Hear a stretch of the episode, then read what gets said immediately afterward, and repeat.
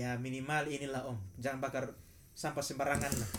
Itu paling sederhana lah untuk menghindari pemanasan global. Iya. Lampu kasih mati. Hindari ini hindari penggunaan itu. Freon jangan terlalu ini. Ha, plastik yang berlebih. Pemanasan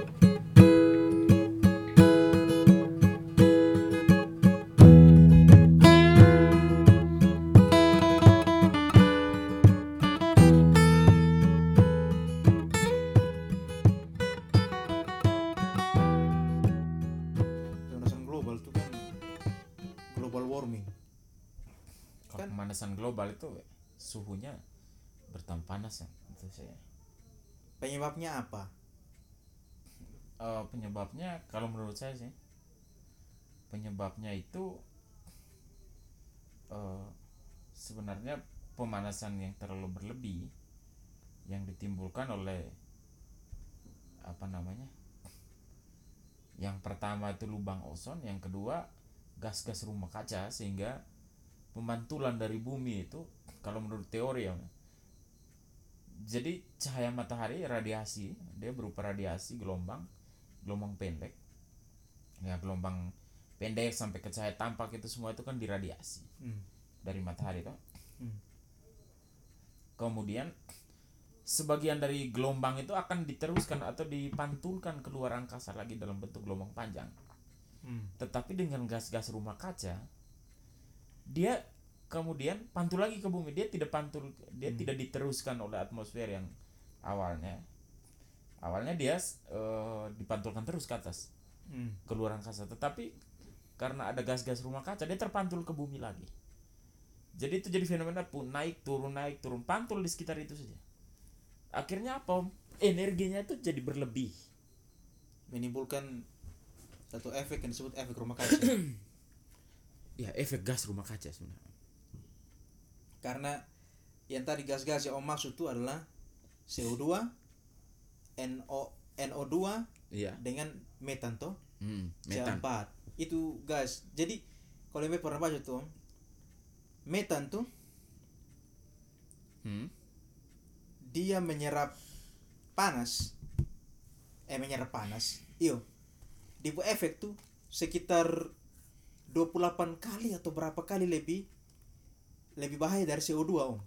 Jadi satu molekul. satu molekul C4 setara dengan 28 atau berapa itu CO2 jadi metan tuh lebih bahaya makanya kalau om perhatikan di kemarin ada kasus yang Uni Eropa atau mana kok serang Indonesia gara-gara sawit iya. dan sawah. Karena sawit dan sawah itu kan men, apa menimbulkan emisi tuh C4 metan terus itu juga apa imbas-imbasnya ke berkaitan juga dengan apa namanya pemabatan hutan di Kalimantan Iya. untuk jadi lahan sawit jadi kan untuk menyerap karbon monoksida nah. itu kan butuh banyak ini toh Eh, apa namanya kita butuh banyak hutan untuk serap itu. Nah, bahkan satu pohon itu disebutkan menyerap 25 kilogram metan apa CO2 ya setiap tahunnya tuh. CO2 CO2 gitu. Ma- memang kalau lubang ozon kan mungkin belum terlalu serius. Tapi yang gas-gas rumah kaca itu yang memang memprihatinkan sebenarnya. Nah logikanya kan semakin banyak lu tebang pohon berarti dia sudah bisa serap CO2 untuk serap CO2 fotosintesis. ya berarti CO2 akan terperangkap terus di atmosfer bumi semakin ya semakin panas mekanismenya kan C juga bisa kan eh, karbon itu kan ini toh bersiklus Iya. Dia mengikat ozon tuh. Menimbulkan lubang ozon tuh. O3 Iya. Jadi ada gas-gas yang bisa mengikat ozon itu itu disebut golongan haloalkana tuh. Ada C4, CH4, hmm. CFC. Ah, CFC. fluorofluor. Hmm, itu. CO. tapi ada juga tuh, ada yang bilang bahwa Hmm? pemanasan global ini siklus normal bumi jadi bu- bumi dulu sangat panas habis itu dia sangat dingin itu mereka belajar dari mana? Kan ada yang bilang begitu ya eh sudah global warming itu hanya siklus normal bumi.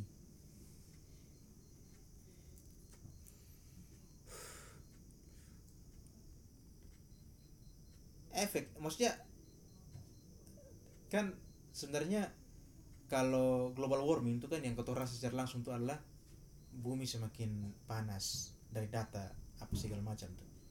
Tapi ada imbas-imbas yang lain. Bukan hanya itu.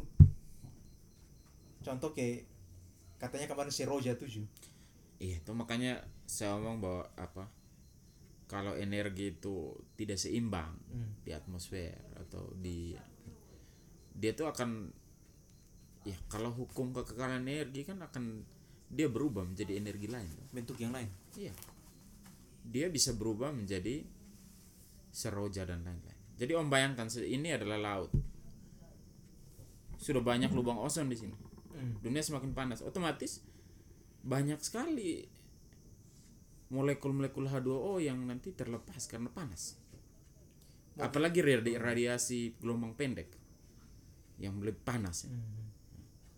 ketika dia bisa putuskan H2O Hmm. kan otomatis molekul itu jadi udara iya betul udara itu kalau konsentrasinya tinggi di satu tempat dia akan bergerak ke daerah yang lebih kons- ah, konsentrasinya lebih rendah. Dan itu akan menimbulkan angin tuh yang seroja apa. Makanya mereka bilang siklon tropis. Dia terbentuk di daerah tropis itu. Iya.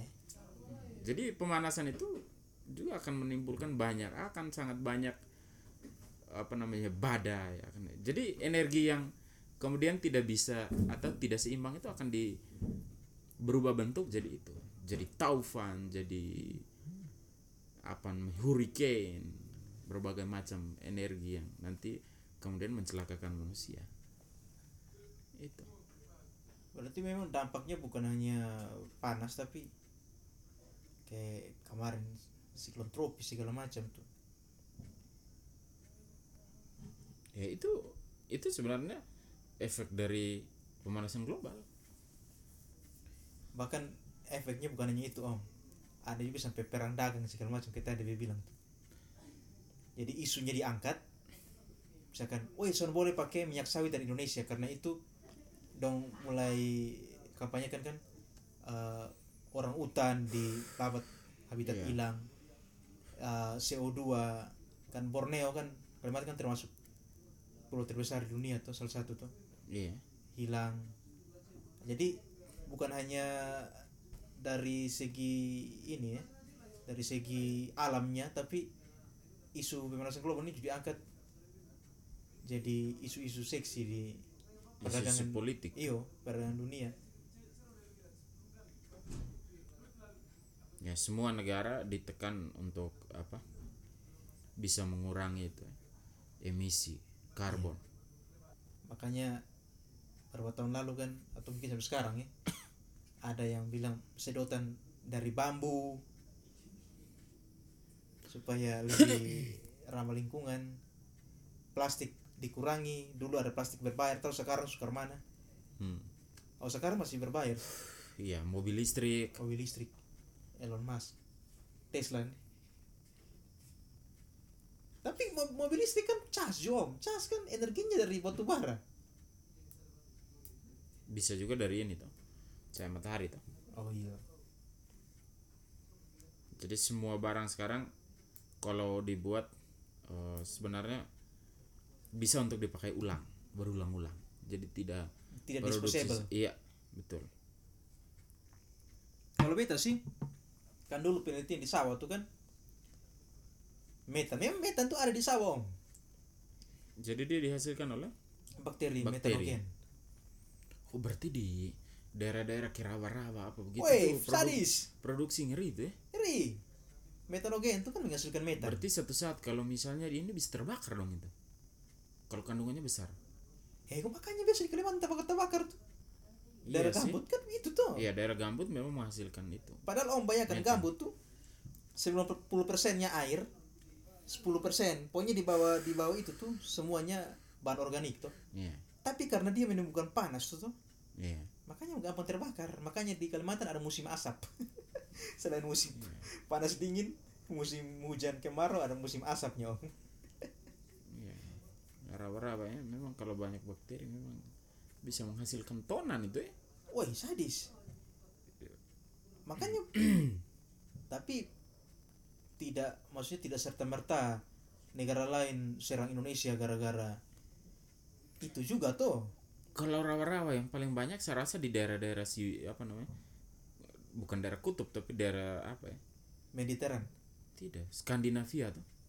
Tapi di sana penetrasi cahaya matahari tidak seintensif Indonesia. Oh jadi bakterinya tidak Ekuator, terlalu iyo. ini. Hmm, kan sebenarnya ya iya ya. Kalau kau kembali ke pemanasan global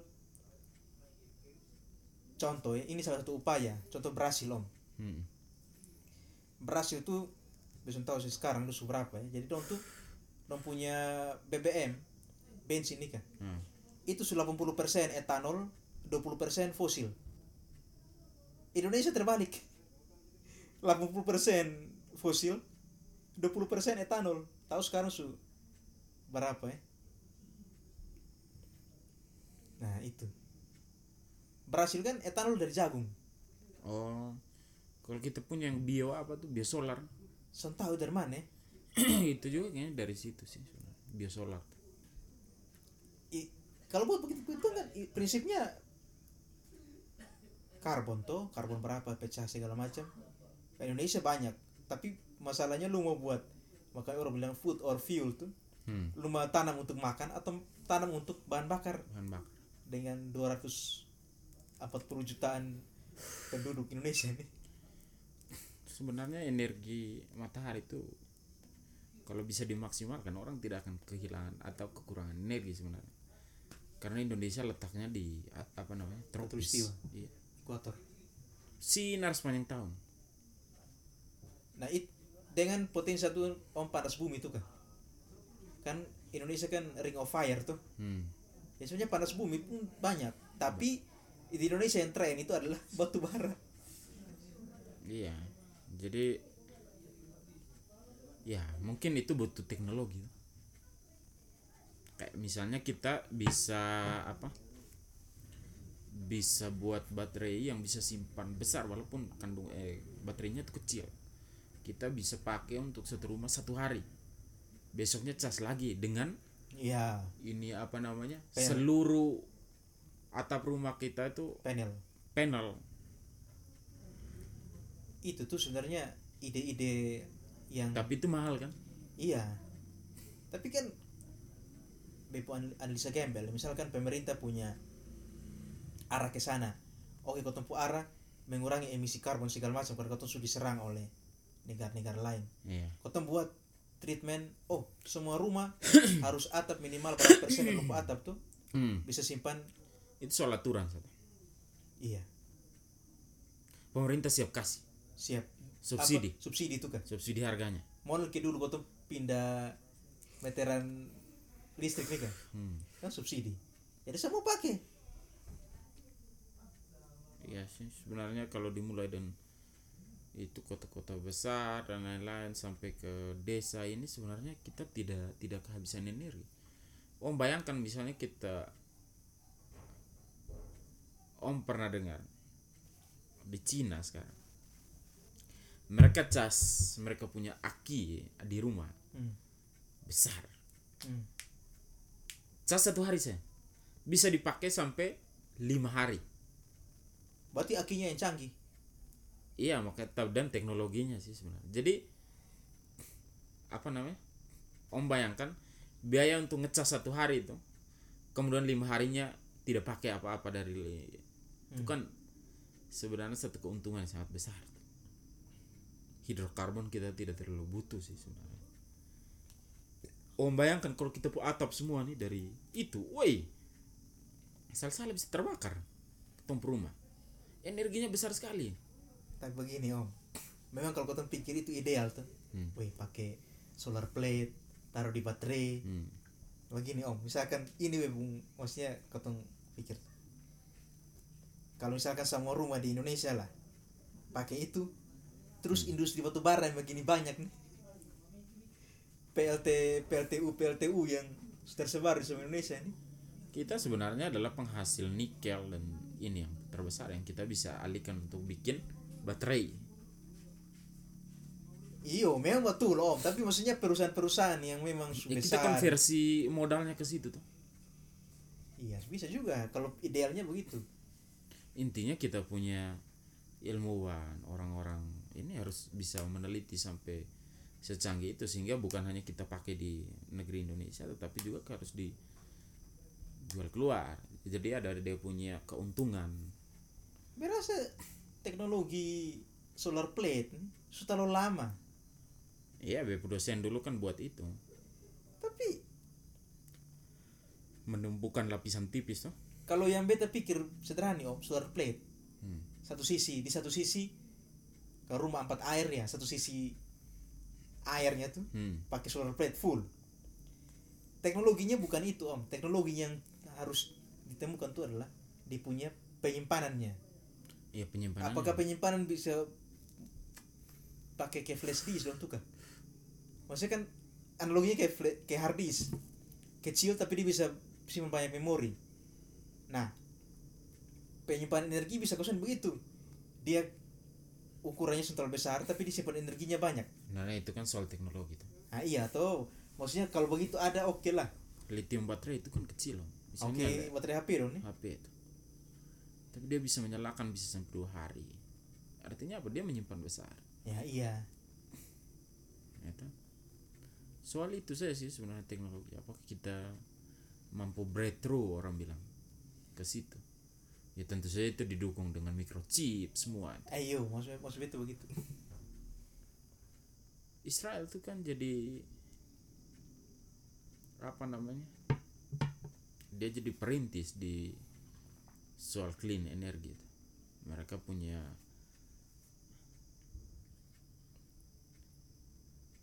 apa namanya punya gurun yang banyak dan sudah dibikin sampai woi biasa mereka. Atau begini om. Mungkin saja negara lain nih kayak cemburu di Indonesia tuh. Karena Son punya. Iya. Batu bara mana yang selain di Katulistiwa lah? Soalnya ada tuh jarang tuh. Kol nih kan iya. Nah batu bara kalau kata om di Kalimantan bara per ribu tahun baru bisa habis tuh. Iya. Wih om. Kutai Kartanegara yang dulu bisa dong bilang bisa jadi negara sendiri tuh hmm. sekarang sudah tinggal berapa desa satu gara-gara batu bara rusuh ambil semua di bawah desa rusuh hilang semua tuh iya iya kan dulu daerah pertanian sekarang tidak lagi Berarti suatu saat akan habis, makanya kita harus itu ya. Iya. Kemudian kita juga sebenarnya mendukung green clean itu emisi. iya Ya artinya kita juga mendukung gerakan global tentang kampanye pemanasan global ini. nah pertanyaannya Paling kenapa tidak kita memperbaiki itu apa namanya eh, atmosfer kita karena kita menurut saya semua ini kita bergantung di atmosfer sebenarnya di bumi ini. Saya yakin Mars juga begitu. Siapa yang bilang tanah Mars itu tidak lebih subur? Oh belum tentu. Memang ada unsur-unsur tetapi itu dikarenakan depo atmosfer. Semua itu kuncinya ada di atmosfer om. Om laut tetap ada karena ada atmosfer. Siklus hujannya. apa semua. biogeokimia Iya. tapi ya makanya tadi kita bilang kalau misalkan katong green energi berarti ini perusahaan batu bara akan akan akan selesai semua akan lambat laun akan hilang Iya, dan itu kita harus percaya, kita harus yakini bahwa suatu saat batu bara itu kan habis. Ya makanya dulu di Makanya kita harus berani breakthrough dari sekarang. Kayak misalnya Arab Saudi, dia sudah tahu bahwa energi fosil itu akan habis. hmm, Dia kemudian bangun kota-kota yang sangat megah, yang ini ya, itu adalah eh, apa? upaya upaya. suatu saat kalau beta sudah ada minyak le beta harus punya misalkan pariwisata iya itu yang dijual tuh kesenangan rekreasi. Ya kalau pemerintah belum bisa apa namanya buat breakthrough yang pokoknya yang apa yang menonjol lah. Contoh kotong di kotong yang bisa ke- sebagai individu kotong bisa buat apa untuk menjaga alam. Contoh kayak roadmap itu makanya ditekankan terus tentang roadmap roadmap itu roadmap itu bukan hanya sekedar jangka 20 atau 30 tahun. Jangka ratusan tahun itu harus sudah diprediksi menurut saya. Kalau misalnya kita bangsa ini kita mau tetap eksis.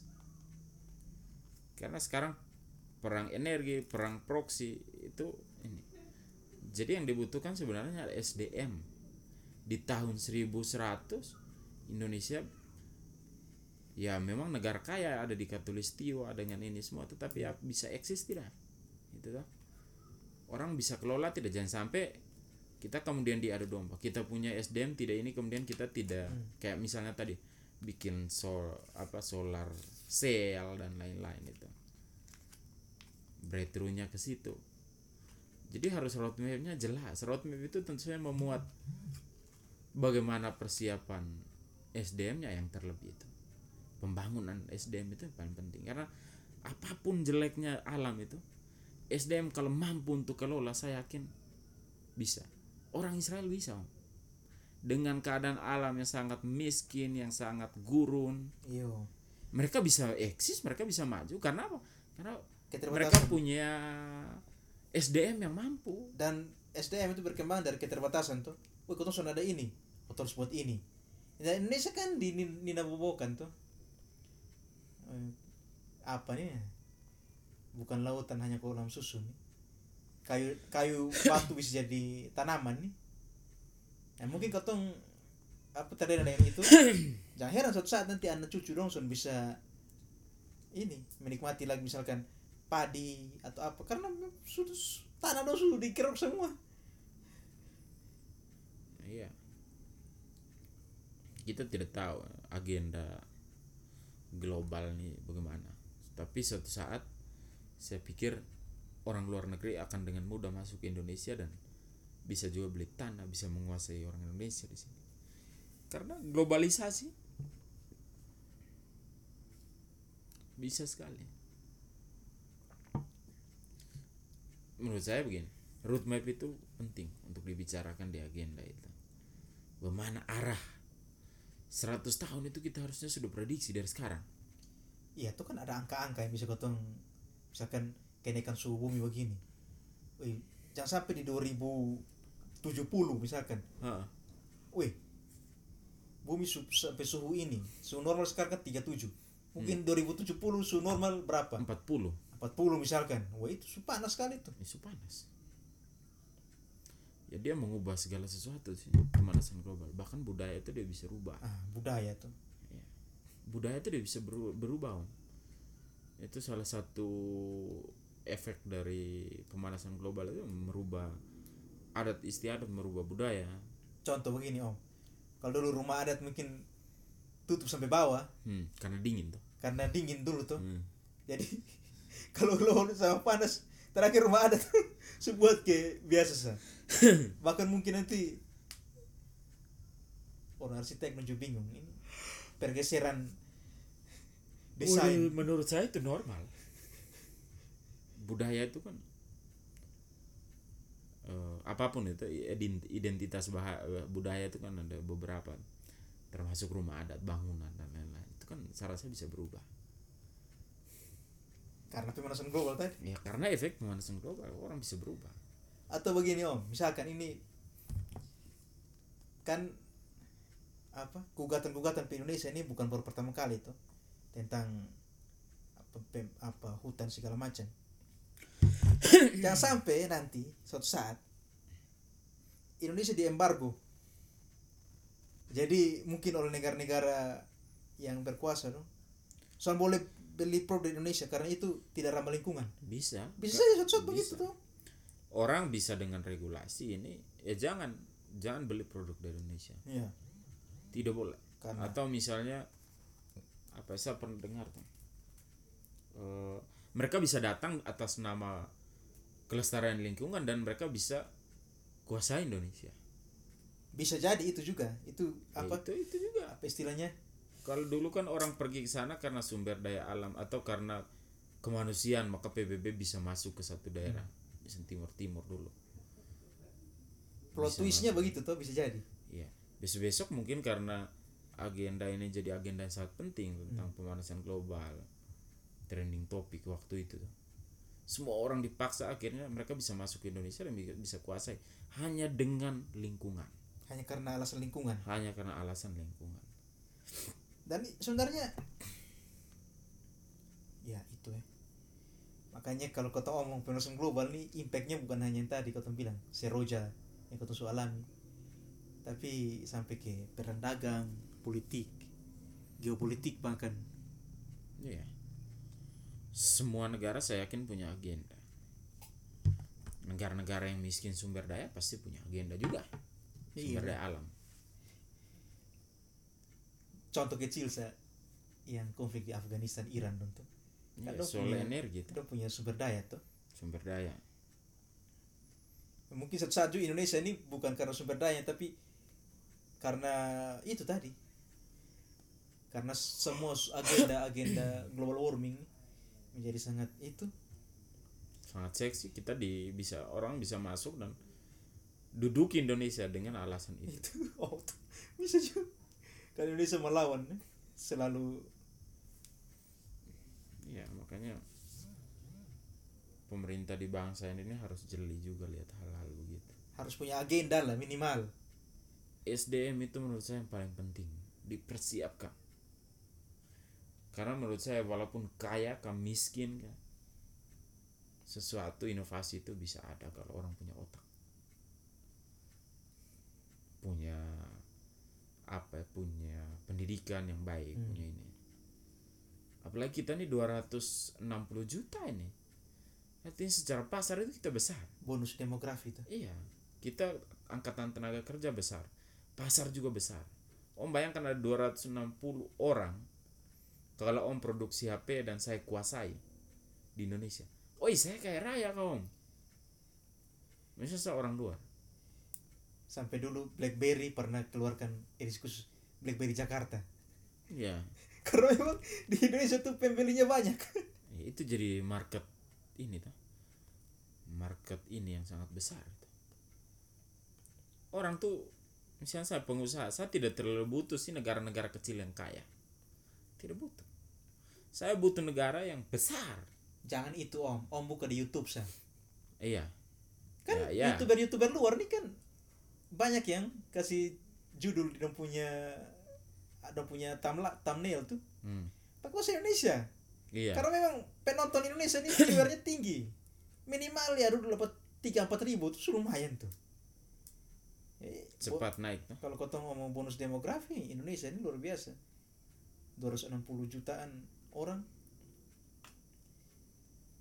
Ya yang kotong maksudnya kan yang bisa kotong buat sebagai individu itu kan untuk menjaga alam itu kan Oh membayangkan 260 tuh dan orangnya oke semua, mampu semua.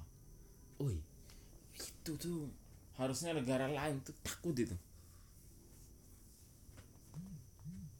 bahkan kotong sudah ada wajib militer Kita langsung butuh tuh. ya minimal inilah om jangan bakar sampah sembarangan lah itu paling sederhana lah untuk menghindari pemanasan global Iya. lampu kasih mati Hindari ini, hindari penggunaan itu freon jangan terlalu ini Ha, plastik yang berlebih, hmm. plastik, Plastik. yang tidak bisa diurai itu. terus lebih ini apa misalkan kayak apa nih kak dulu kan dua tak terus dua tak sekarang sudah ada leh karena mungkin salah satu isunya itu tuh Emisi itu. emisi Orang om sebut om orang sering ngomong tentang uji emisi kendaraan itu. Itu kan soal itu sebenarnya. Isu itu. yang ada euro berapa tuh Nah. euro 4 euro apa tuh Iya. Jadi yang masuk di pabrik-pabrik yang bisa masuk di Eropa itu kan dia harus euro berapa begitu emisinya. ya pelan-pelan pasti bisa lah artinya negara belum punya agenda ya harusnya dari ketong sendiri Kita sebagai individu memang kalau dilihat itu sebagai agenda, kita sekarang agendanya menuntaskan jurang itu ya apa namanya antara kaya miskin apa semua soal pemerataan. Pemerataan infrastruktur itu jadi agenda penting. Saya yakin orang-orang juga pemikir-mikir negara juga sudah pikir tentang itu. Besok